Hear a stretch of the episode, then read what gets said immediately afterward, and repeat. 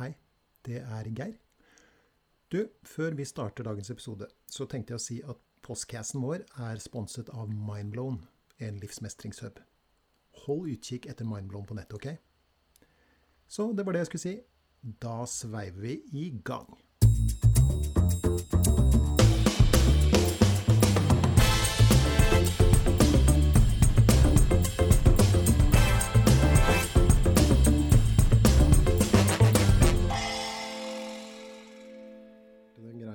Så er vi jo egentlig i gang. Så du får bare gjøre dine ting. Mm. Det er den der teksten din, for jeg hørte det er den teksten på hvert program, sant? Mhm. Ja. Ja, sett i gang. ja, bare er det Har du gått til opptak? Ja. Ikke noe tegn, nå starter vi ingenting. Nei da, vi bare starter på. Ok, skal vi La det være en pause to sekunder, så klipper hun det bare bort? Nei, drit i det. Bare kjør i gang, du. Okay. Tommy Steine, introduser oss, vær så snill. Ja, nei, jeg trodde jo ikke vi var helt i gang, ja, men du lytter så klart til podkasten Gi litt mer faen. The Postcast. Er postcast! Det er jo blitt mer en postcast enn en podkast. Ja, det har blitt det. Etter hvert, faktisk. Du smiler sånn lurt, er det fordi at du føler at du lurte meg litt ut på glattisen nå? Ja, jeg syns det er litt gøy. Men på den annen side så har jeg så innmari tiltro til det på det feltet der. Så jeg tenkte, hvorfor ikke starte på en litt uh, uvanlig måte? Vil ha litt Eh, variasjon der, altså. Ja, litt variasjon er jo alltid Ja. hyggelig, er det ikke det? Det er uh, hyggelig at du Nei, nei, men vi skal være klare for, uh, for at ting skjer spontant. Ja, det, det skal vi. Og ting skjer jo spontant i våre dager, hadde jeg nær sagt. Så, så sånn er det. Vi har jo fått uh, Altså, vi holder på med denne serien vår om uh, Jordan Peterson. Mm. Uh, men så får vi jo e-poster og sånt, da, vet du. Og blant annet så fikk vi e-post fra en person som sa kan dere ikke være snill snakke om den situasjonen som har oppstått nå? Det er mange som er redde og bekymra og sånn. Og det hadde jo vi allerede snakka om at vi både Ja. burde og skulle. Fått mange henvendelser akkurat om det. Så det er tydelig at vi er inne i en periode hvor det kan virke som, i hvert fall på gruppenivå, som folk er eh, ikke mer bekymret, men mer fokus på bekymringer enn Mm. eh, en andre perioder. Det er som Mm. en sa til meg i dag, sa han sånn eh, Jeg rekker jo ikke å bli ferdig med en to år eh, lang pandemi før det liksom er krig i Ukraina og Så det, det må vi snakke litt om i dag, tenker jeg. Ja, det tenkte jeg også. Så dagens episode, tro, i hvert fall oppi hodet mitt, heter eh, Eller har tittelen i hvert fall 'Frykt for framtiden'. Eh, Men før det, da, kan vi snakke om Kan vi Før det snakke litt om fortiden. Ja, snakke Ja. om fortiden. Ja, hvordan går det med dem, herr Steine? Nei, Som du ser på bildene, så har jeg det ganske bra nå, da. Det er, eh, jeg sitter jo på Hurum og koser meg Mm. kvelden før jeg skal på, på vakt igjen. Ja. Eh, Jeg, det er jo litt synd at folk ikke, ikke kan eh, se deg, for nå er det en, eh, en vakker panoramautsikt over um, Hva er det Er det, er det Drøbak i Drøbak du ser bak der, ja. Ja, OK. Ja, så jeg har fri utsikt over på Ser rett over på skyggesida, jeg. Ja, ikke sant? Det er det de kaller oss her på Hurum. da.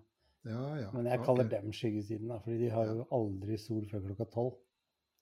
Nei, Ja, Hva skal man med den der kjedelige kveldssola når man kan ha morgensol? det er veldig sant. Ja. Men uh, ligger du såpass i skyggen at du ikke har noe kveldssol, da, med andre ord? Ja, og så nå så gikk det vel ned Så kom vel vi i skyggen sånn 50-ish. Ja, det er ikke verst, det. Nei da, altså Når vi kommer ut i mai-juni nå, så eh, Det er det er bare jeg som eh, blir litt Nå står det altså flere rådyr ute i hagen min og bare titter inn. Nei, da er det vel forsvinner vel sola sånn i ja, halv åtte-åtte-tida på kvelden eller sånt. Det skal man vel eh, tåle. Ja, vet Mm. du hva, altså det, jeg er så privilegert at det, det skjer ikke at ikke jeg um, setter pris på det. Mm. Og du da? Nei, jeg da.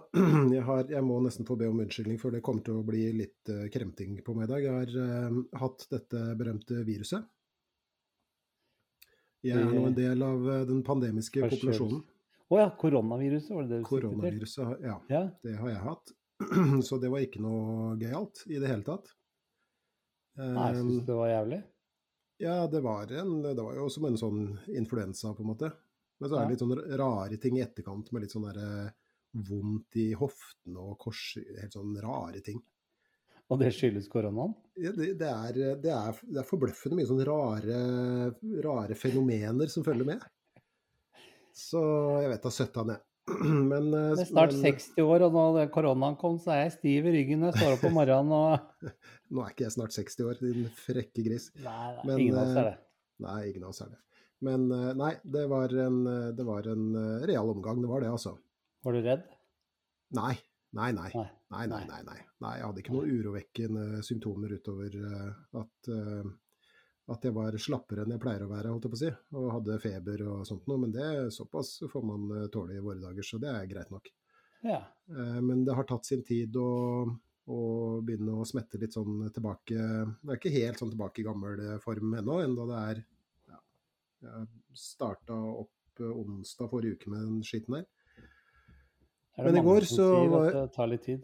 Ja, ja.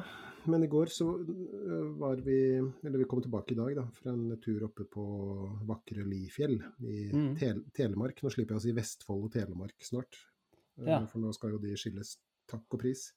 Men, øh, men oppe på, på Lifjell og klorte meg oppover lien der, betydelige høydemetere, på ski.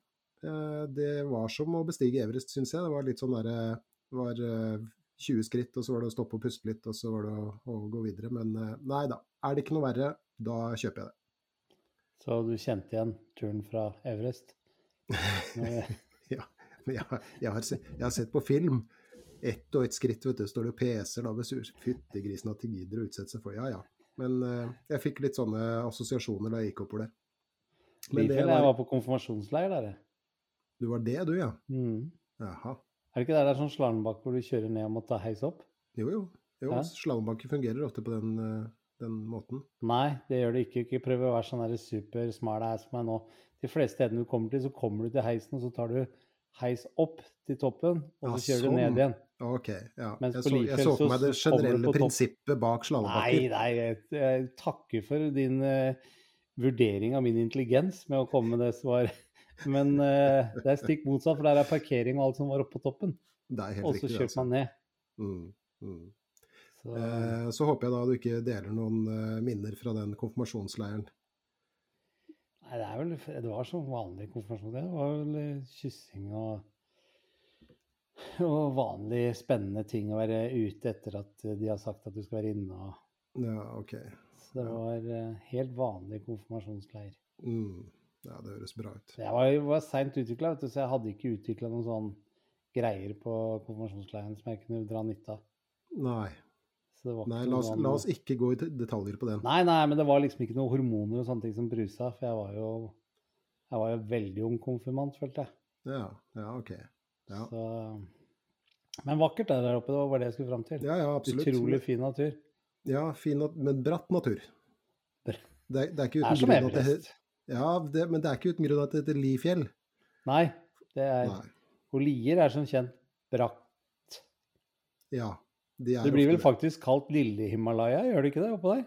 Jeg har hørt det, faktisk. Ja. Ehm, så jeg har besteget lille Himalaya i, i helgen. Men nok om det, før jeg blir brydd. Eh, vi, skal, eh, vi skal snakke litt, vi, om, om eh, jeg holdt på å si verdens gang, ikke, ikke denne eh, mellomtingen mellom Se og Hør og en avis, men, eh, men hva, som, hva som skjer i verden. Det er jo ganske forbløffende. Nå er det to uker siden siste episode var ute, og det, er, det oppleves nesten litt som, som at verden har rakna, liksom. Er, eh, plutselig så helt sjukt. Det, er som, det var noen som sa en gang at, eh, at uh, historien skjer sakte før den skjer plutselig. Wow. Uh.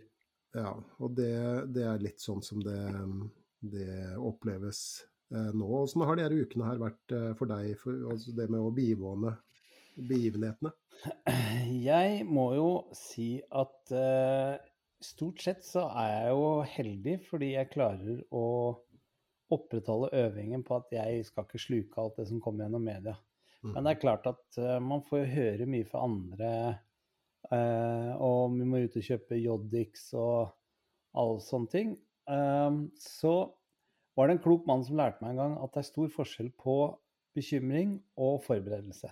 Mm -hmm. Mm -hmm. Så jeg har tittet litt uh, Ja, skal vi si da, hvis vi sier Og da tar jeg hardt i, så har jeg brukt to-tre minutter på overskrifter og nyheter om dagen. Mm -hmm. Maks. Mhm. Men det jeg da har gjort, er jo at jeg da har satt meg ned og så har jeg tenkt eh, Er det noe som helst jeg kan For jeg får ikke gjort noe med det. Eh, jeg kan ikke verken påvirke det ene eller andre. Men jeg, er det noe jeg kan gjøre for å forberede meg og min familie hvis det skulle utvikle seg? Mm. Mhm. Så jeg har hatt egentlig mer fokus på de tingene. OK. Er det noen Så- spesielle grep du har gjort, eller? Ja, eh, og det er ikke fordi at jeg tror at krigen kommer hit eh, med det første, eller om han gjør det i hele tatt. Jeg tror faktisk ikke noe at den gjør det noen gang. Eh, men jeg ser jo at med all den uroen med pandemi og krig og Ja, det er turbulent eh, verden. Så ser jeg jo at uh, energi og sånne ting som strøm og vann og alle sånne ting, det kommer etter hvert til å, å bli en luksusvare. Um, og da er det sånn at uh, her hvor jeg bor, så har jeg jo egen brønn. Uh, og så har jeg egen septik. Men pumper og sånn er jo elektrisk drevet. Mm. Så jeg har da startet prosessen med å anskaffe meg et aggregat. Et lite aggregat, sånn at liksom at dersom at det skjer et eller annet som man må klare seg uten strøm fire-fem dager eller noe sånt, så skal jeg ha et lite aggregat som kan ta seg av det viktigste, som å få tak i vann og Eh, Så det jeg har gjort eh, Jeg har begynt å undersøke seriøst eh, hvordan jeg kan få installert solcellepanel på taket. Så har jeg ikke gått til innkjøp av hermetikk ennå. Men det skal jaggu ikke mye til heller før jeg bygger opp et lite lager. Mm. Og det er Mhm. ikke fordi at jeg tror at uh, nå blir det sultkatastrofe i Norge og Putin har plutselig fått lyst på Oslofjorden eller sånt noe, men jeg tenker at uh, med alt det som skjer i hele verden, så kan det fort være at man må klare seg uten, uh, uten varer noen dager, eller at det er andre ting som er utfordrende som gjør at man bør ha et lite lager hjemme. Jeg har jo tenkt litt, eh, litt på det der her med at eh, det du beskriver nå, det var jo veldig vanlig i gamle dager. Altså det å Mm. være selvhjulpen. Eh, Før så drev man jo og salta og sylta og, og, og, og, og preserverte, hadde jeg nær sagt. Man Mm. hadde, jeg husker min farmor annet, nede i kjelleren så sto det jo eh, rad og rekker med saft og syltetøy og det ene med det tredje, ikke sant. Og hadde en av potetbinge, ikke sant. Og hadde en liten sånn åkerlapp på utsida av, eh, av huset sitt og, og sånt noe. Eh, Og så ble, gikk det plutselig av moten, og, og etter hvert så, så ble det jo nesten sånn, holdt på å si, populært å se ned på folk som, eh, som hadde et lite lager av ting, da. Det var jo Mm. sånn, ja ja, nå er jo de kanskje litt ekstreme, men det var sånn preppers-greier, ikke sant, på National Geographic og sånt. De, de var jo kanskje litt i overkant, de driver jo og grov ned betongstrukturer i hagen og holdt på. Ja. Eh, men vi er jo eh, såpass eh, lett middelaldrende at vi husker 80-tallet. Mm.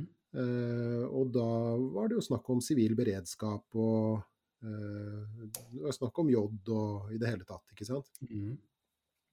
Så jeg, jeg, jeg, jeg er jo opptatt av historie og, og har i all beskjedenhet lest en god del historie, i hvert fall. Og, og historien er jo Det er jo lett Hva skal jeg si da? Av og til så tenker jeg sånn at mange ser på historie som det som har skjedd, men historien er jo noe vi lever i. Mm. Og det som er så forunderlig å konstatere av og til, er jo det at historien har jo en tendens til å gjenta seg. Eh, og nå er vi jo inne i en, i en periode som, som vi Altså vi har tidligere erfaringer på akkurat de samme tingene, da.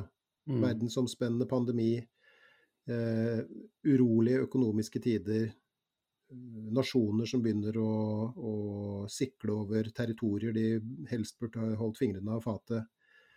Eh, og så er vi plutselig her igjen, liksom. Og, mm. og, det er jo som du sier, jeg heller har ikke noe sånn Jeg sitter ikke og, og tygger negler og, og, ser for meg at, at, Putin skal komme dalende ned fra himmelen, det er ikke det jeg sier. Men, men Og etterpåklokskap er jo alltid en presis vitenskap. Mm. Men, men jeg, vi har kanskje ja, så litt sånn som vi gjorde før eh, andre verdenskrig også, at vi bygde ned Forsvaret f.eks. For det, det brukne geværs politikk snakka man om, ikke sant. Og, mm. og, det der var noe som hørte fortiden til og sånt. Og jeg, jeg hørte jo akkurat da det her brøyt ut, så skal jeg innrømme at jeg eh, at jeg eh, så på noen sånne nyhetskanaler som sendte direkte på YouTube, bl.a. Mm -hmm. Um, noen europeiske nyhetskanaler. Og der så jeg jo uh, en gammel bekjent av oss, um, Torvald, nei, Torvald, hører du. Uh, han Jens Stoltenberg. Jens Stoltenberg, ja.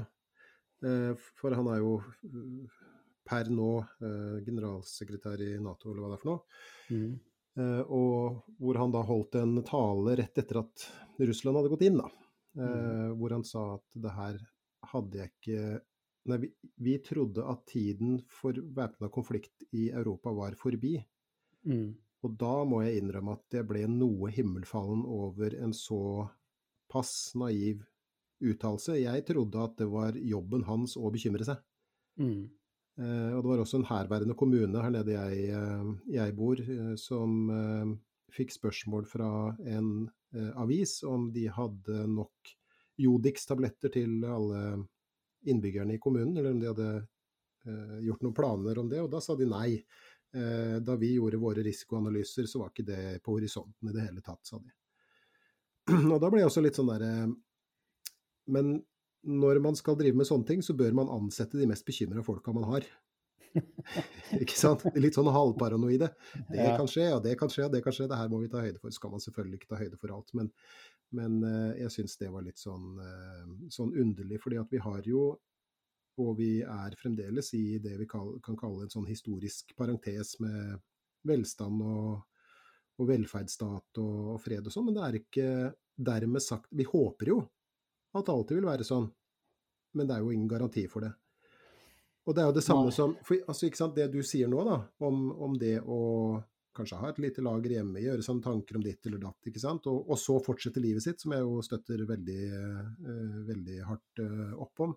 Det handler jo om å i det minste ha tenkt tanken, mm. og så uh, gjøre noen grep, og så er du liksom ferdig med det, da. Fordi at vi, vi jeg ser ikke på det som noe annet enn det å ta på seg sikkerhetsbelte når du setter deg i en bil. Nei, ikke sant? Det er jo ikke sånn at du tror at du skal krasje. Men tenk hvis du hadde gjort det. Ja ja, da får jeg nå gjøre det for sikkerhets skyld. Eller at du har et brannslokkingsapparat og en røykvarsler hjemme. Det er jo ikke sånn at du verken tror eller, eller, håper at det skal bli brann, men det er kjekt å ha. Ikke sant? Det er litt den stilen der. Du har jo forklart eh, forskjellen, fordi uh, når folk sier til meg nå at de er veldig bekymra for krigen i Ukraina, at den skal spre seg til hele Europa. Eh, de snakker om en flyktningstrøm på ti millioner mennesker. Så folk sier de er veldig bekymra. Mm. Og det at jeg går til anskaffelse av aggregat eller noe sånt nå, eh, vil de kanskje si ja, ser du, du er bekymra for framtida du også. Mm. Det er derfor du tar de. Men, eh, men, kan ikke du bare kort, for jeg veit vi har snakket om dette før, men fortelle forskjellen liksom på eller hvor går grensa på hvor, når man er, forbereder seg på noe, eller når det er en bekymring? Mm, mm. Skjønte du spørsmålet? Jeg skjønner spørsmålet. Uh, jeg tenker at, at, det store skillet går uh, mellom bekymringstanke, det å få mm. en tanke, en bekymra tanke om noe, og det å være i en sånn, i verste fall, evigvarende bekymringsprosess. Hvor tankene bare surrer og surrer og surrer, og du tenker på det samme hele tida, ikke sant. Fordi mm. at bekymringstanker er jo noe vi trenger. Det er jo lurt med bekymringstanker. Ja, ikke sant. For det er litt som med sikkerhetsbeltet igjen, da. Når du, når du, skal på jobb i morgen, så, så kan jo tanken streife deg om at det kan være glatt ute. Eh, kanskje er det til og med en eh, fyllekjører ute og kjører, ikke sant. Mm. Jeg tror kanskje jeg skal eh, sjekke at uh, vinterdekkene mine er i henhold, og at jeg tar på meg sikkerhetsbelte. Og Det vil da mm. si at du har fått en bekymringstanke som uh, utløser en uh, handling, en praktisk handling, Mm. ikke sant? Som, som har praktisk betydning på et vis, da. Mm.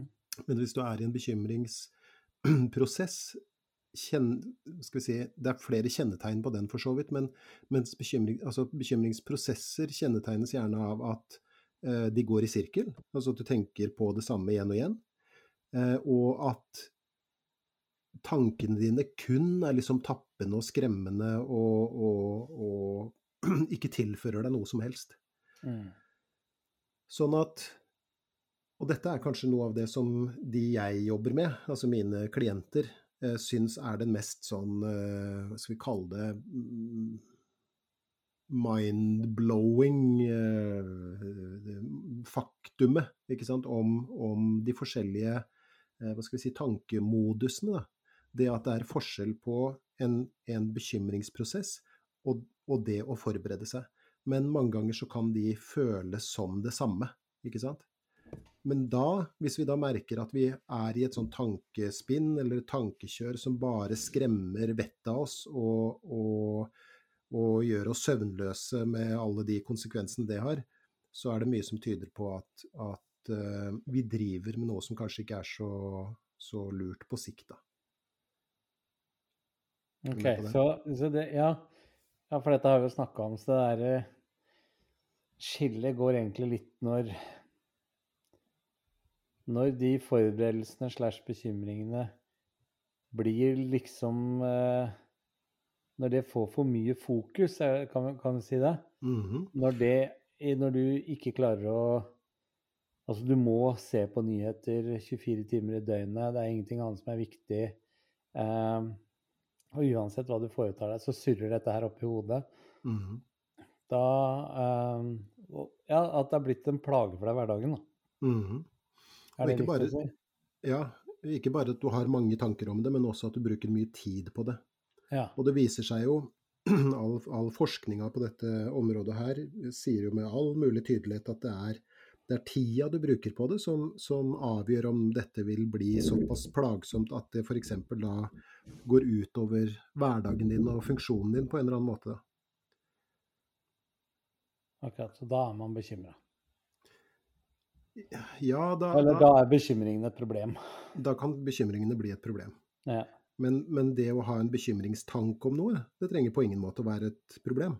Nei, det er et must, som du sa. Så det Ja, for at hvis du, hvis du får en bekymringstanke og handler på det, så er det noe annet. Ja. Og det er jo litt hva, sånn hva, kan, hva kan det føre til, egentlig? Hvis du eh, Er det For jeg husker du har sagt noe om tidligere at bekymring Er det det som kan gå over til å bli fobi og angst? Ja, ikke fobi nødvendigvis, for det er litt sånn spesifikke greier. Det er sånn Ok. eh, fobi for høyder og fobi for edderkopper og sånn.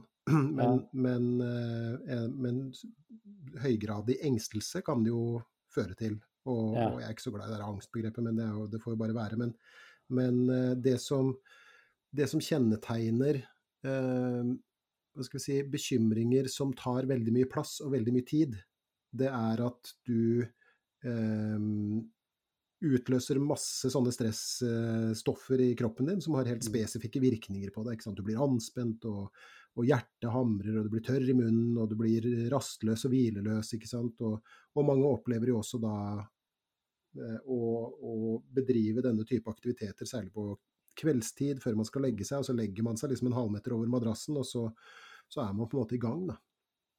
Man er liksom det- på alerten hele tida. Du er på alerten hele tida.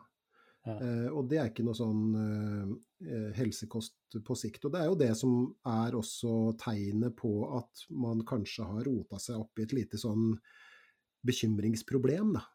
Det Ja. at man merker at det her går utover eh, nærmest hvem man er og hvordan man oppfører seg, og, og hvordan man oppfører seg i verden på et vis, ikke sant.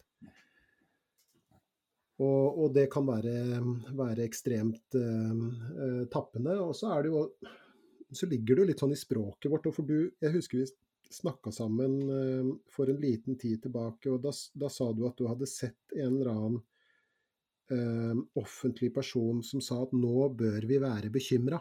Mm. Ikke sant? Men og Roger Enoksen, han forsvarsministeren vår. Ja, riktig. Ok. Så nå bør vi være bekymret. Nå bør vi alle være bekymret, sa han. Ja, ikke sant. Uh, og, og, aviser og sånt nå er jo også flinke til å fortelle oss hva vi skal være bekymra for. Men poenget er jo at bekymring løser absolutt uh, ingenting, med mindre vi agerer på det på en eller annen måte. Og der er jo også en sånn stor uh, uh, Hva kalle det Fysiologisk forskjell, da. Fordi at hvis du kun liksom jages av bekymringene dine hele tida, mm. Så vil du være langt mer stressa enn om du får en bekymringstanke som du kan bli stressa av. Mm. Men så gjør du noe med det, ikke sant. Og, og vi har jo snakka om uh, drager og riddere til det kjedsommelige før, vi. Men det er akkurat det. Ikke mm. sant? Det er den samme mekanismen som, som er i sving. Du har liksom et, et, problem, på en måte, og så bestemmer du deg for å gjøre så mye med det problemet som lar seg gjøre og la resten ligge, ikke sant. Oi, oi, oi. Så her er det jo ekko fra gamle myter og fortellinger og stoisismen som du har redegjort for i tidligere episoder, osv., osv. Og, og når det, altså, når det, kommer til, til, problemer, så har vi også tidligere skissert en, et lite sånn problemløsningsverktøy, da, om vi kan kalle det det. Hvis du, hvis, du, har en rekke ting som du merker at du tenker på og kverner på, du enten grubler eller bekymrer deg, eller overtenker på, da, vi kan slå det sammen til, eh, mm. til ett ord, så har vi et lite sånn eh, triks. Og jeg, jeg, tenker ofte på det selv, og jeg bruker det overfor mine klienter. Og det er, det er eh, forbløffende hvor mange lyspærer som har uh, oppstått over hodet på folk. Og, og ikke, bare, ikke, bare, andres, men også mitt. Da. Dette med å å eh, kategorisere problemer i tre kolonner, ikke sant? Hvor kolonne nummer én eh, kalles problemer som er løsbare nå. Kolonne nummer to kalles problemer som er løsbare på sikt. Og den tredje kolonnen er problemer som ikke er løsbare. Og det er jo ofte, veldig ofte, så er det de problemene vi surrer på. Ja. Ikke sant? Og det vil da si at da bruker vi masse tid og ressurser på ting som ikke har noen umiddelbar løsning, og så lar vi være å bruke tid og ressurser på ting som vi faktisk kunne ha, ha løst det. Og ja. når det gjelder Ukraina og verdensfreden og atomreaktorer og trusler om både det ene og det andre og sånt noe, så er det ja, jeg holdt på å si nesten både, både, både heldigvis og, og, uheldigvis ikke vi som, som rår over sånt. Nei. Det er forhold som er utenfor vår kontroll. Og som eh, politikere og militære strategikere og all verdens greier forhåpentligvis nå i hvert fall jobber døgnet rundt for å uh, gjøre noe med. Det kan vi ikke gjøre noe med. Det er hinsides vår, uh, vår kontroll. Men det er ikke så lett, da. Ikke sant? Nei. Å bare la sånne ting uh, ligge. Men at noe ikke er lett, betyr jo heller ikke at det er umulig. Nei, sånn at, det er stor forskjell på. Det er en stor forskjell på. Så, Men det er jo sånn derre Ja, unnskyld. Det kan vi øve på, og det vet ja, jeg også at, at du, du, også, i likhet med meg, har øvd en god Mye. del på opp igjennom. Ja. Men det er jo sånn derre Du sier det er utenfor vår kontroll og sånn, men så er det, hva skal jeg si uh, Det her høres jo helt utrolig kynisk og kaldt ut, så jeg håper dere som lytter, uh, virkelig forstår at det er ikke det som er intensjonen bak. Men det er også sånn i kriser og eh, sånn som det er blitt med Ukraina, så oppstår det også mye veldig fine ting. Mm -hmm. Vi ser jo bl.a. et engasjement rundt hele verden på støtte og bidra og hjelpe og sånne ting. Og så så jeg en kul greie, fordi nå er det jo sanksjoner mot alt borti Russland. Mm. Den eneste som eh, nekta å trekke seg ut, så alle bare sånn Ja da, men vi legger ned kontoret i morgen, liksom. Det, dette skal de få merke på kroppen hvis de ikke slutter med den dumme krigføringa si. Mm. Det var ett selskap, og det var Coca-Cola.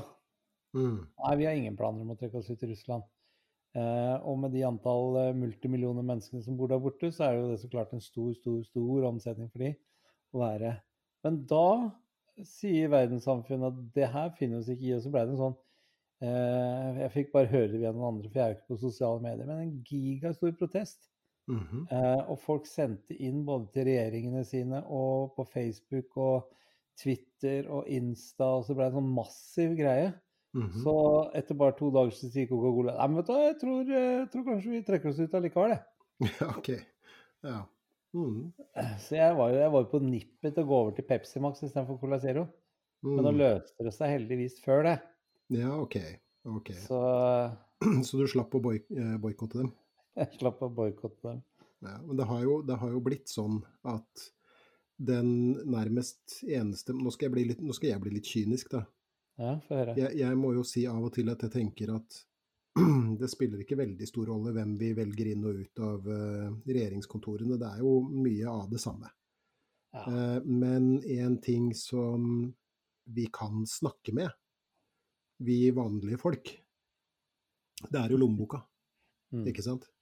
Og det å la være å kjøpe produkter, f.eks., det, det har en ganske sterk virkning. For det. vi lever i en verden hvor, eh, hvor pengene rår. Sånn har det blitt. Og det er Mm. på godt og vondt. Altså Kapitalismen osv. Har, jo, har jo brakt eh, eh, ekstremt mange ut av, eh, av eh, fattigdom. Eh, Men, men og, og det har gitt oss en mulighet nettopp til å drive en slags politikk som forbrukere. Da. Ja. Hvis det er noe vi er uenig i, så kjøper vi bare ikke det produktet. Og da selv sånne som eh, Coca-Cola da må, må begynne å ta rev i seilene og, og, og, og legge om kursen. Eh, og, jeg tenker jo at når det er urolige tider, eh, og, og usikre tider, sånn som eh, vi kan eh, fort begynne å tenke at vi er, eh, er inne i nå. Det å, det å da gjøre noe, det er jo Det kan jo oppleves veldig ålreit.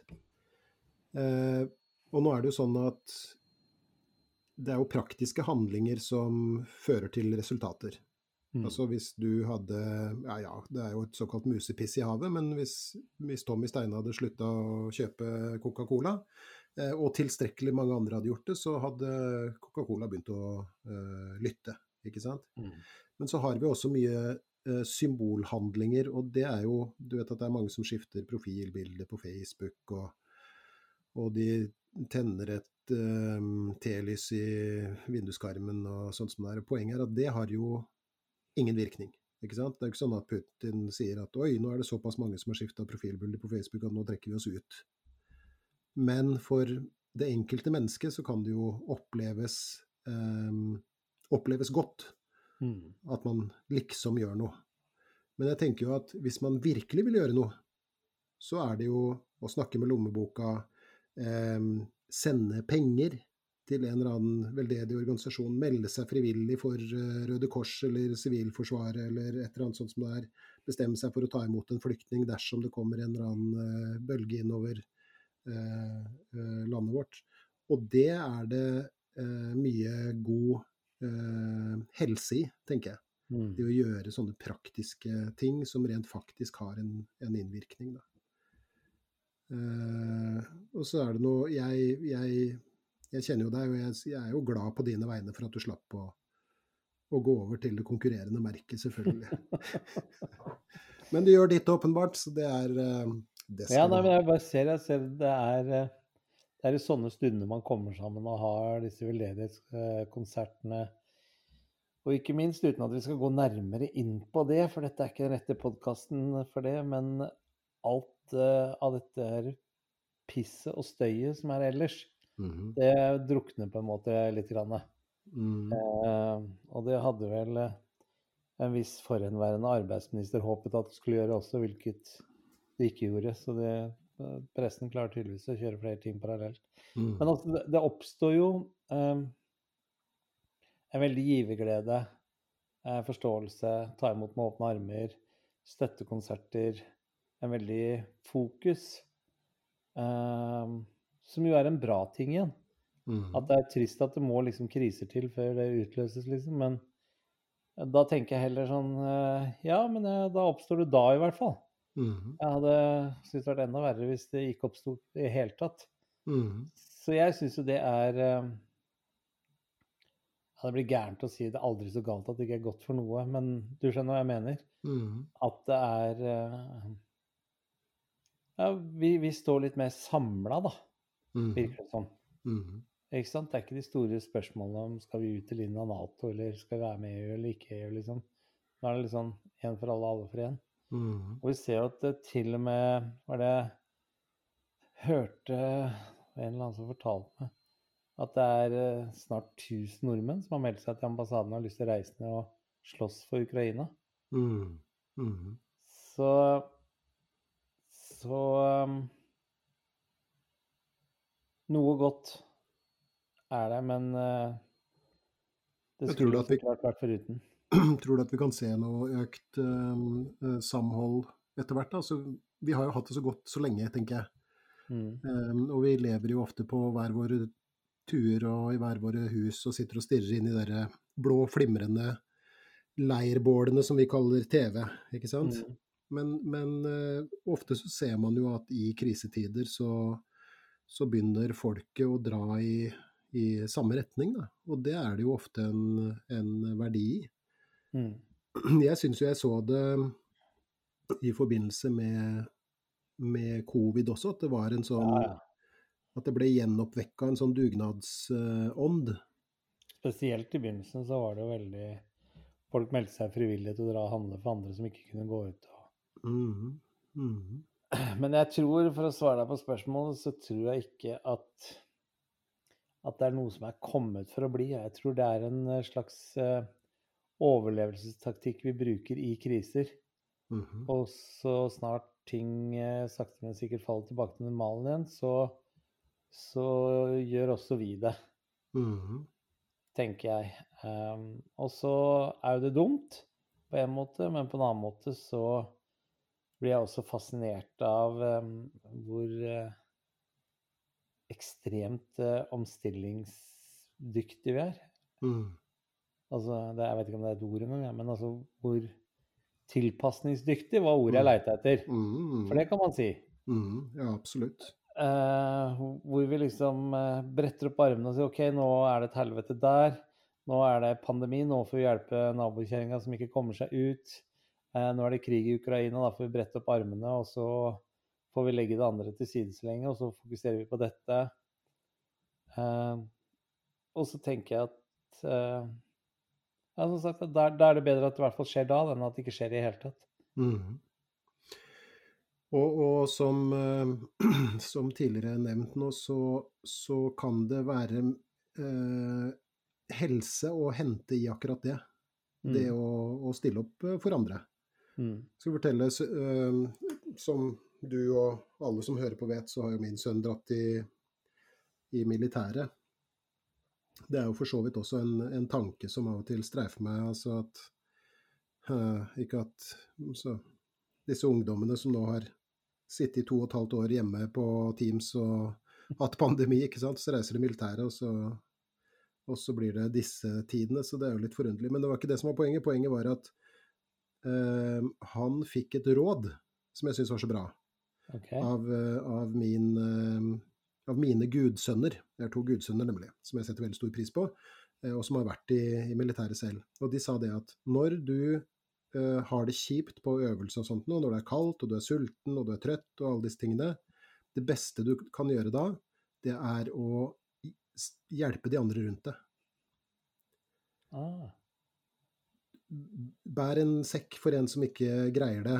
Eh, klapp noen oppmuntrende på skuldra. Sjekk eh, føttene deres. Eh, ikke sant? Tilby deg å, gjøre noe for dem, og hør åssen de har det, og sånt noe. Og det er jo, det er veldig lurt. Fordi at i det øyeblikket du gjør det, så er du jo ikke fokusert på deg selv og dine egne plager lenger.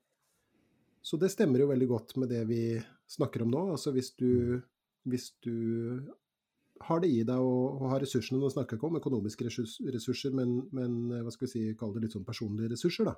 Mm. At du, at du tenker at du kan eh, gjøre noe for en annen. Og det, det betyr jo ikke at du skal eh, reise ned med mais til eh, grensa til Ukraina, så det er ikke det det er snakk om. Men ikke sant? Altså, se de rundt deg, og se om det er Mm. noe du kan eh, bidra med. Da løfter du deg ut av deg selv. Og, og, og det er det mye helse i, tenker jeg. Ja, det var jo Det er jo en av kveldsrutinene til Eller hva det er, høres ut som han lever for. Men eh, jeg leste det her om dagen, faktisk, og derfor jeg kom på det. er jo en av kveldsrutinene til Var en av kveldsrutinene til Marcus Aurelius og, eh, og, og stoikere generelt at du eh, Når man gikk gjennom dagen, hvordan den har vært, så var et av punktene eh, Har jeg hjulpet noen, bidratt noen eh, i dag? Er det Mhm. noe jeg har gjort for andre i dag? Og i så fall eh, hva? Og hvis ikke, så må jeg sette det høyt på agendaen i morgen. Mm. Mm. Eh, for det også var med på å gi da den der såkalte stoiske roen, da, som, som disse gamle historikerne eh, var, sånt, eh, var, så, var så opptatt av. Mhm. Og da, og da var nettopp det her med å bidra til alt fra lille lokalsamfunn, altså bidra i huset, lokalsamfunnet, samfunnet, mm. nasjonen, verden osv. osv. Mm. Så eh, det der syns jeg var et veldig godt råd. Og så er jo heller ikke det eh, nytt, men kanskje ikke så mange som tenker på det. Mm. Mhm. Nei, det, det, det ligger det nok eh, mye, mye godt i på mange måter, tenker jeg. da. Eh, Men du sa jo noe innledningsvis nå som jeg tenkte jeg skulle spørre litt om. fordi at du snakka om nyheter. Eh, Og det er gode tider for dårlig nytt, som eh, den store norske filosofen Preple Houm i DumDum Boys en gang sang så vakkert. Ehm, Du sier at du ja, skal vi kalle det skjermer deg eller skåner deg selv eh, fra nyheter. Mm. Altså, vi, vi snakker jo om Vi har jo snakka om bekymringer nå eh, i denne Mhm. episoden. Og en av de tingene som Eller kanskje den tingen som Eller det fenomenet da, som utløser bekymringer hos oss eh, lettest, er uoversiktlighet. Mm. Usikkerhet og uoversiktlighet. Ok, så nå sier vi da at vi lever i litt mm, enda mer usikre og uoversiktlige mm, tider enn vi kanskje gjorde for eh, tre måneder siden. Ikke Mm. Og når vi mennesker blir usikre og opplever eh, at eh, ting er uoversiktlige, så har vi en tendens til å forsøke å redusere den følelsen, for vi liker ikke den følelsen av Mm. usikkerhet. Og en av de tingene som vi da gjør, dette er en påstand, eh, det er å henvende oss til media. Paradokset der er jo at media lever av usikkerhet. Alt fra dameblader som sier 'slik får du sprettrumpe på seks eh, uker', og så begynner du å tenke 'herregud, har jeg ikke sprettrumpe nok', eller hva er greia? Og så kjøper du det der, ikke sant? Til eh, nyheter som Eller nyheter Media som, som slenger opp på forsidene sine, i mangel av ordentlige nyheter, da. Så skriver de sånn 'her er de ti krefttegnene du bør være oppmerksom på', osv. Ikke sant. Så, sånn at det her er jo en, en, eh, en sånn symbiotisk eh, sirkel mellom forbruker og, og mediehus, ikke sant. Mm. De gir oss ting som vi blir usikre på, og for å bøte på vår usikkerhet, så, så oppsøker, vi, oppsøker vi media.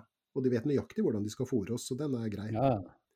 Men det vil da si at hvis man bestemmer seg for å redusere på mediebruken, så kan jo det bety at ens egen usikkerhet øker i det minste for en tid. Og da er jo spørsmålet hvordan er det du eh, håndterer det der? Altså når du da sier at nei, men vet du hva, jeg gjør mitt aller beste for å kun sjekke nyhetene én gang i, eh, per døgn, f.eks. Mm. Men, men betyr ikke det da at du, liksom, du kan gå glipp av noe, eller noe sånt? da? Jo, det gjør det sikkert. Ehm, Men eh, jeg har jo ikke sjanse til å ha kontroll allikevel. Nei. Nei, som jeg sitter og ser på CNN, BBC og VG-nett 24-7, så uh, ja, Jeg kan jo bare snakke for meg sjøl. Jeg blir i hvert fall ikke roligere av det. Mm. Mm. og nå er det jo uh, Det er jo ikke bare krig i, i Ukraina, det er jo også krig i mediene. Mm. Det er jo ikke, det er jo ikke grenser nå for hva de skal gjøre for å få deg til å sitte og niglo på nyhetene deres hele tiden. Det er jo analyse og eksperter og Altså, det er, det er eh, Jeg syns det Det er så mye støy. Mm. Men selv, eh, for det har jeg jo erfart fra tidligere, så jeg er jo ikke fersk på det området her sånn sett. Selv om jeg sluker alt det, så får jeg jo ikke noe mindre eh, uro i kroppen, eller jeg får ikke noe mer ro i kroppen. Eh, jeg blir mer forferdet, eh, igjen snakker bare ut fra meg selv, av eh, groteske bilder, filmer, nyheter om mine medmennesker som er i nød. Tre timer med fly herfra. Så for igjen eh, gå inn på disse fantastiske storkerne våre, så øver jeg meg kanskje litt mer på hva er det jeg kan kontrollere, altså ergo noe jeg kan gjøre noe med. Og da er det sånne ting som, eh, som jeg snakka om innledningsvis, da.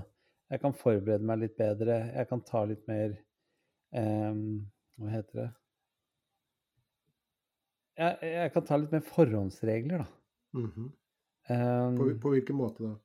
Nei, for eksempel så har jo vi snakket, eh, eller mer eller mindre planlagt, at vi skal ta på, dra på påskeferie til, eh, til vi har et sånt lite sted nede i Tyrkia vi pleier å dra til. Eh, Og det var det snakk om i påsken. Mens når det er sånn uro som det er nå, så ah, er ikke det noe fristende for meg i hele tatt å reise ut fra Norge. Mm. Da, da vil jeg heller se om det er ting jeg kan gjøre her som, eh, som jeg kan bruke tiden på. Eh, flinkere kanskje til å så For jeg har jo fire barn, og noen av de melder jo litt bekymringer, de òg. Ok, da kan jeg ta på meg eh, enda litt mer oppgaven å være pappa og fortelle litt hvordan jeg løser dagen. Eh, de forberedelsene som jeg snakka om. Eh, jeg prøver å bruke fokusen min og gjøre noe med det jeg kan gjøre noe med. Eh, som jeg har sagt sikkert 200 ganger på den podkasten her før, min gode venn Freddy som sier at eh, du får være frisk til du blir sjuk. Mm. Mm. Ikke sant? Frisk til det motsatte er bevist, som sier. Ja. Ja. Og skulle det nå gå så ille at vi blir innblanda eller invadert eller sånt noe, så eh, tror jeg faktisk at jeg vil være mindre forberedt på det hvis jeg nå bruker opp kreftene og lysten min og motivasjonen min på å være bekymra i mellomtiden. Mm. Men ok, så ok, det er interessant. Og jeg, må, jeg, jeg støtter deg jo øh, på det, men, men noen vil jo kanskje da tenke liksom er det, er det lov å ha det bra selv om andre i verden har det dårlig, liksom? Altså er det da, For du sier jo at ikke sant, greit, men jeg får ikke gjort noe med det. øh, Jeg kan kanskje gi noen penger til Leger uten grenser eller hva, hva, et eller annet greier. Og det er stort sett det som, som jeg kan gjøre med det, i hvert fall nå. Eh, og så konsentrerer jeg meg om å være en så bra person som eh, mulig, være til støtte for andre osv. Så, videre. så langt jeg mm, orker og klarer og i det hele tatt, da. Mm -hmm. men altså for det, det jeg tenker er at når vi da ser lidelsen, ikke sant, Mm. på, til og med på vårt eget uh, kontinent, og det, det er jo ikke til å komme utenfra at dess nærmere det er oss, dess, dess mer uh, har det en tendens til å ramme, i hvert fall de fleste av oss, da. Uh, men det å da, skal vi si, eh, skjerme seg for nyheter, eh, fortsette med livet sitt, dra på jobb, eh, smile til naboen, eh, dra på trening, eh, møte vennene sine til et eh, vinglass på fredag kveld. Er det liksom lov til å ha det bra? Eh, Skjønner du hva jeg mener? Ja. Det er noen som Ja, ja. tenker at liksom, ja, hvordan, kan, hvordan kan jeg liksom uh, smile og ha det fint hvis det er noen som lider, liksom? Ja, nei, jeg, jeg skjønner at spørsmålet kommer opp, men uh, Jeg vet ikke, men da tror jeg kanskje at jeg tenker litt grann, Og det er ikke ofte den gutten her blir beskyldt for. Jeg tenker kanskje litt mer sånn rasjonelt på det. Mhm. For la oss nå si at uh, tilfellet var omvendt, at det var her det var, og så sitter det folk nede i Ukraina og synes ikke at de kan gå på fest eller ha det gøy eller kose seg sånn som verden er nå. Men det tenker jeg, det ville jo ikke uh, ha endret noe på min hverdag her. Mm. Det hadde ikke gjort det verre eller bedre. Og folk, selv når krigen var her i Norge under annen verdenskrig, så er man jo nødt til å overleve. Man er nødt til å prøve å Livet gå videre. Eh, man må lage barn, man må oppdra barn. Man må eh, gjøre sitt bidrag til samfunnet, gå på jobb.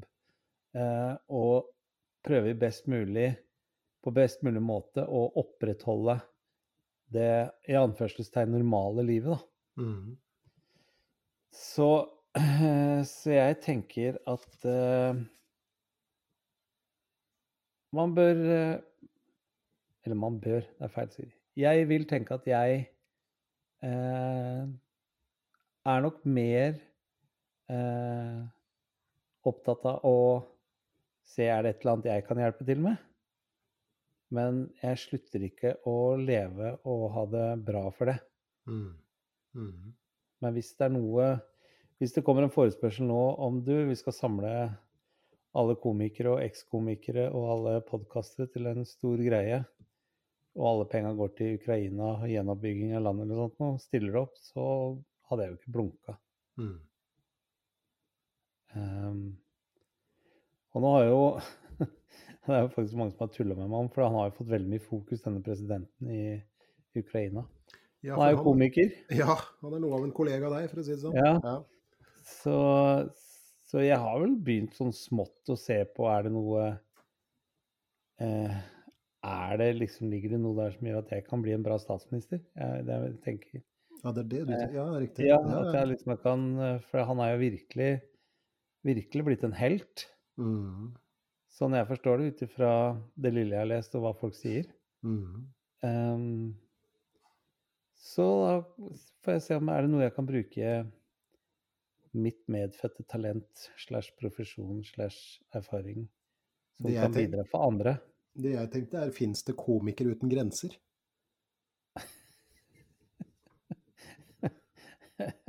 ja, det er veldig mange komikere som ikke har grenser. Ja, det er jo for så vidt sant. Ja, ok.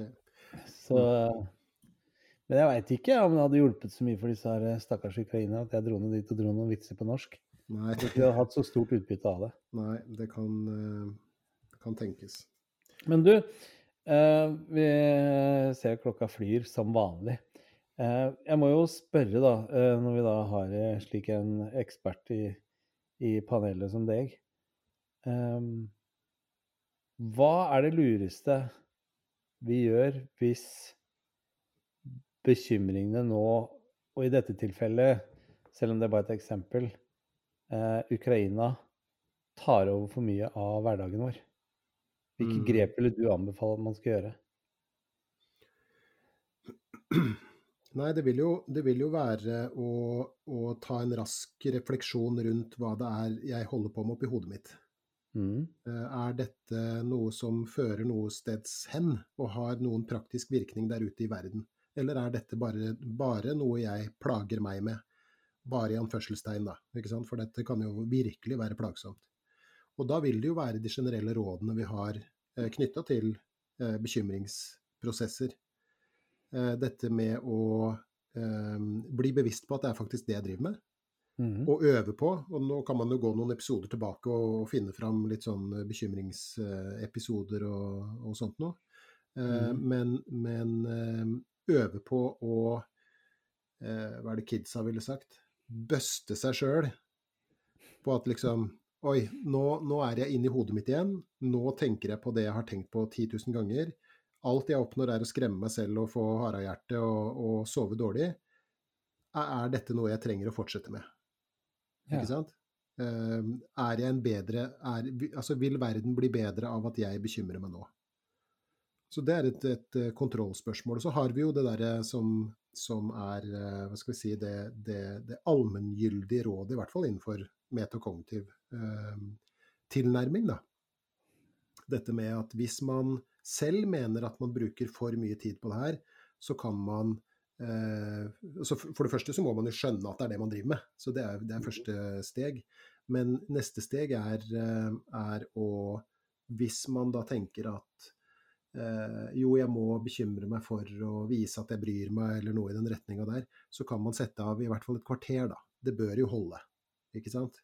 Hver Mm. kveld, f.eks.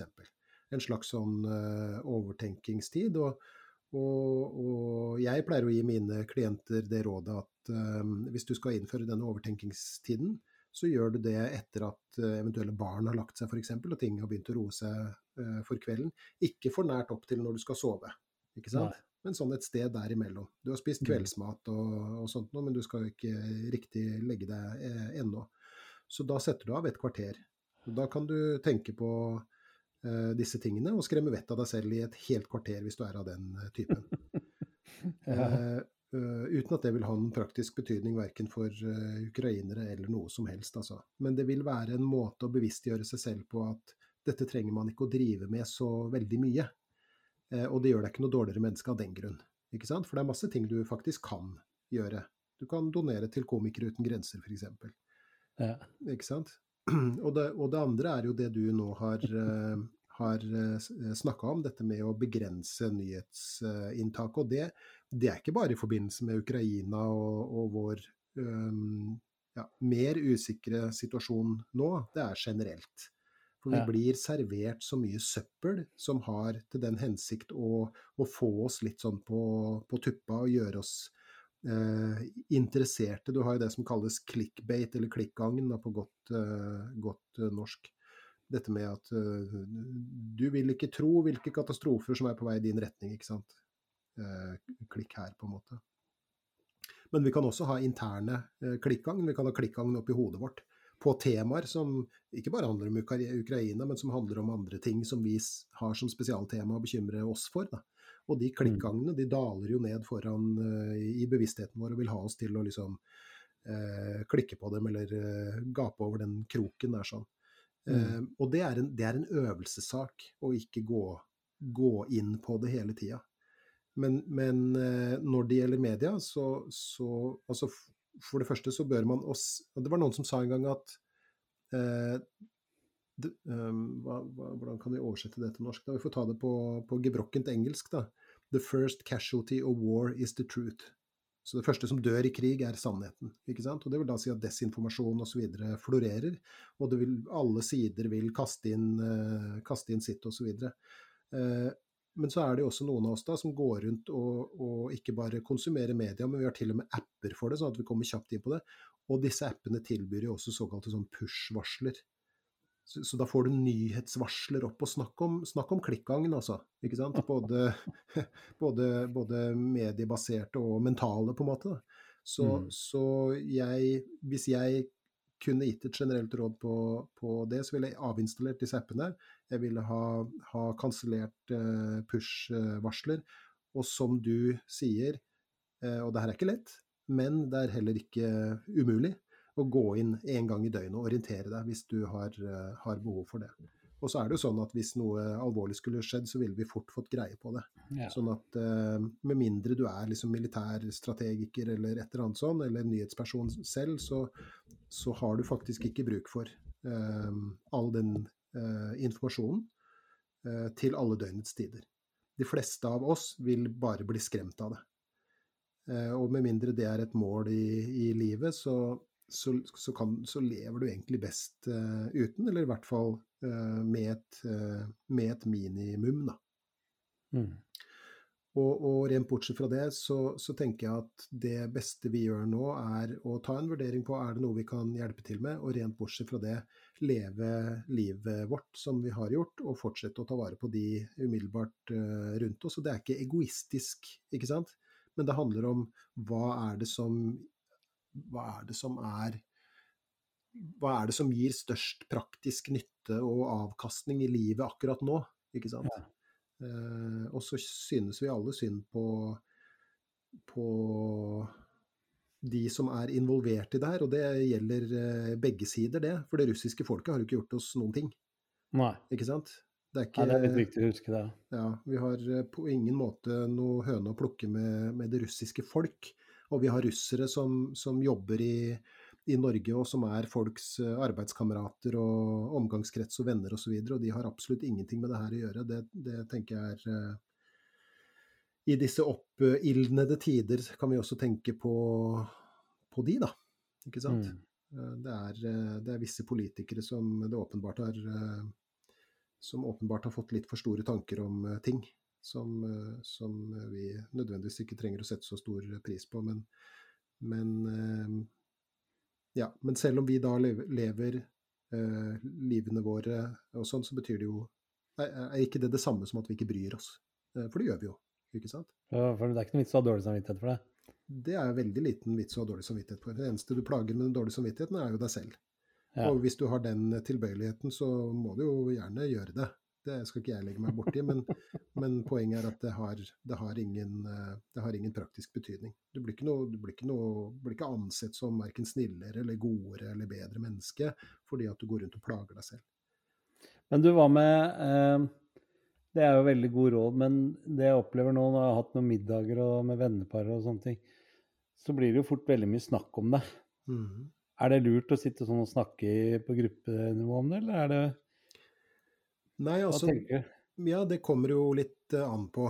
Hvis du er av typen som, som også syns at dette er litt sånn, om vi kan kalle det politisk interessant, ikke sant, og ønsker å, Mm. å, å diskutere det og sånt, så er det jo fair enough. Det må man jo bare få lov til å gjøre. Men, men hvis du merker at det er alt det går i Og jeg satt jo på, på Lifjellstua i, i går, i solveggen, og vi hørte stemmesurre på alle bordene, og det var samme tema overalt. Det var Ukraina og Russland og fremtiden og bla, bla, bla. Sånn at vi har jo behov for å snakke om ting. Ikke sant? Og vi har behov for å høre hva andre tenker om ting osv. Men hvis du da er en person som syns at det kanskje blir litt mye, og nå skal det jo Det er kanskje litt eh, freskt å løpe rundt fra bord til bord på Livfjellstua og si kan dere være snill å snakke om noe annet, men hvis man sitter i, i venners lag, ja. så kan man jo kanskje snakke om det i ti minutter eller noe sånt, og så kan man jo si på en vennlig måte du, kan vi snakke litt om noe annet, for at nå jeg blir helt sånn eh, matt i huet av det her. Kan vi Ja. prate om noe annet? Og det vil jo Mm. de fleste være med på, tenker jeg. Men vi mennesker, vi, vi hiver oss jo på når ting eh, skjer, og da er det ofte da, da, da, da, surrer vi, ikke sant, på Mm. ikke sant? både internt og eksternt. da. Og det kan av og til være greit, men hvis du blir plaga av det, så går det an å si fra om det på en eh, en ålreit måte. At eh, det har vært deilig med en liten pause fra det nå. Og det Mm. betyr ikke at du er slem og at du ikke bryr deg, og, og at du behøver å ha så dårlig samvittighet for det, for det er helt greit.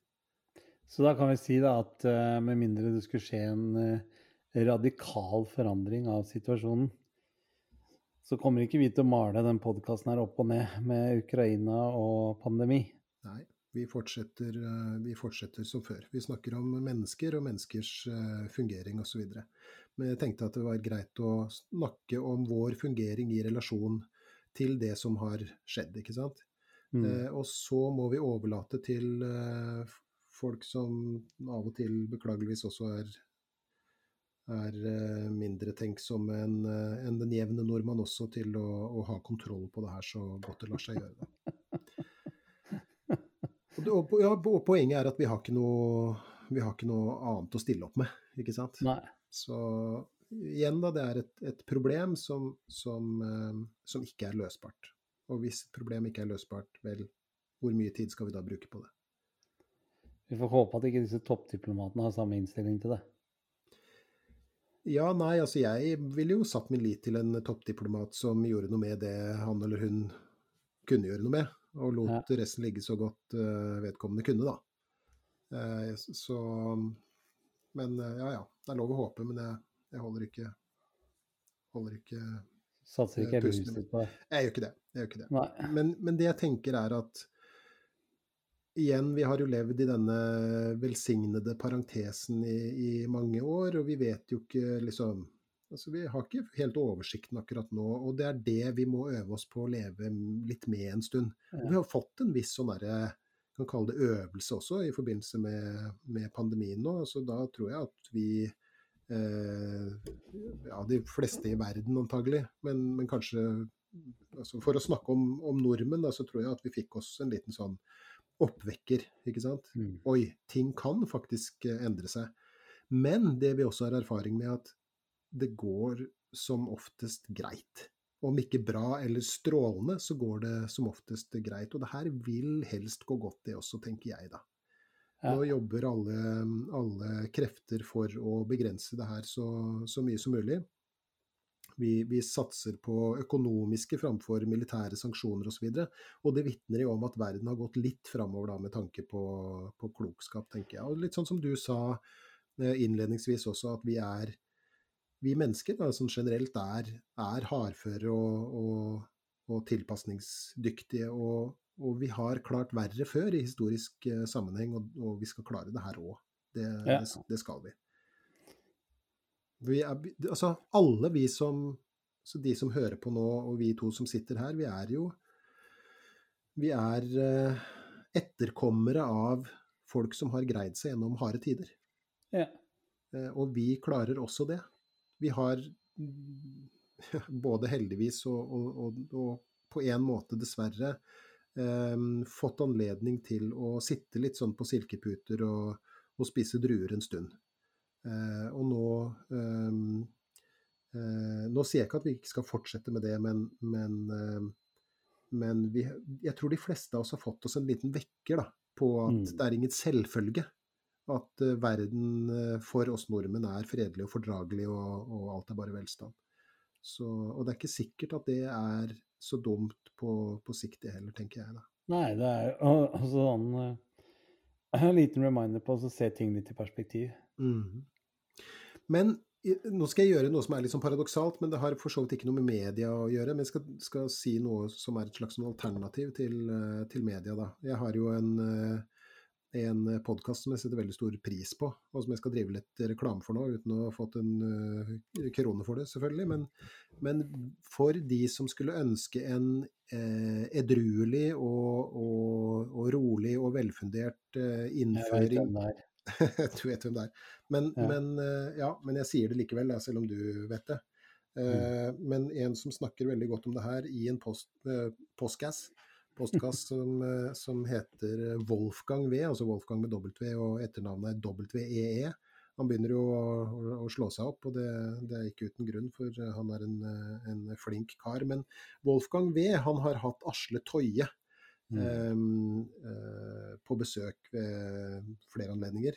Eh, de, de har eh, lagd eh, to serier basert på bøker av, av Asle Toje, og han inviterte også Asle Toje inn i studio for å snakke om Ukraina.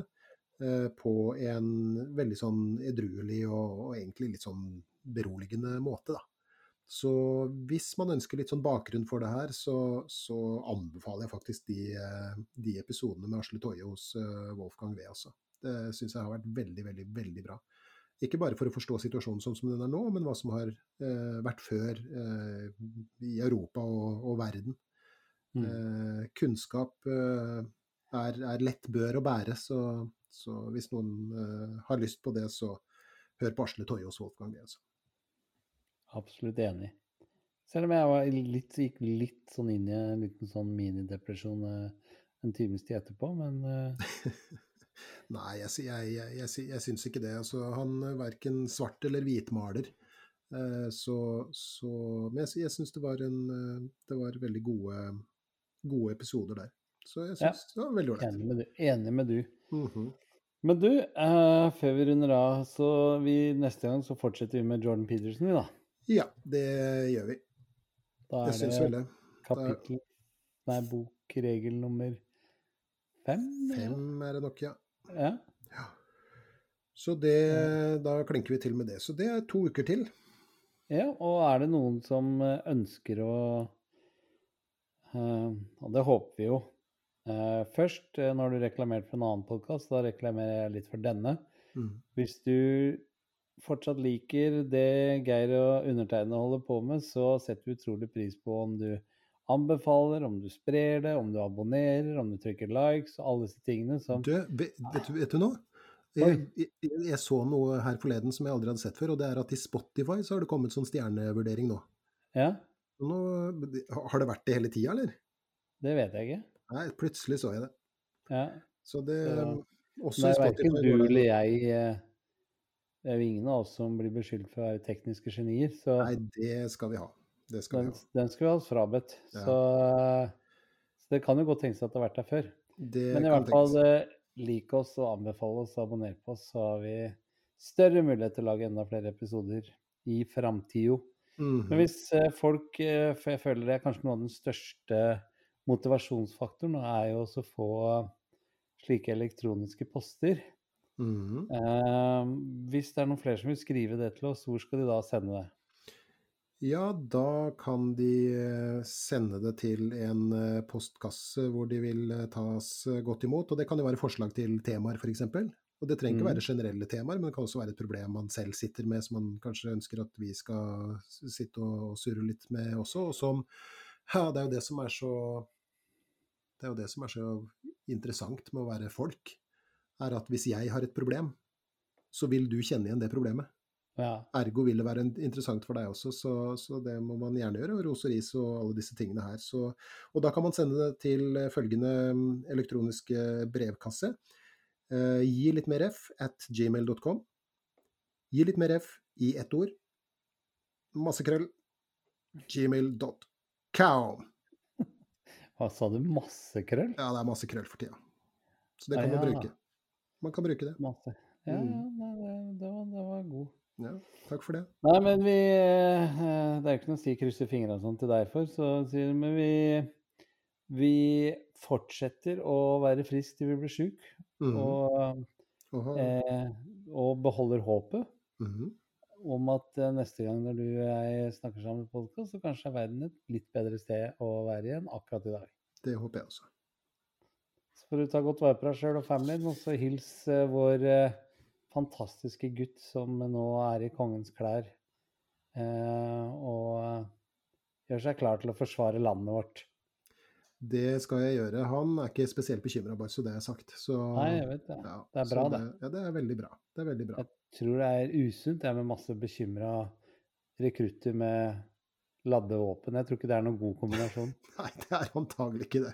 Nei, de tar det med knu, knusende ro. Har til og med fått være nede i Rena sentrum og kjøpe seg en kebab nå, så det, det går framover. Der ser du. Ja, Det ja, Det, er, det er godt. Men Mm. hils i hvert fall masse til han. Det skal jeg gjøre. eh, and thank him for his service. Mhm. Og uh, ta godt vare på deg selv og hils eh, flokken, så snakkes vi. Du også. Vi snakkes. Gjør det, ha det. Ha det.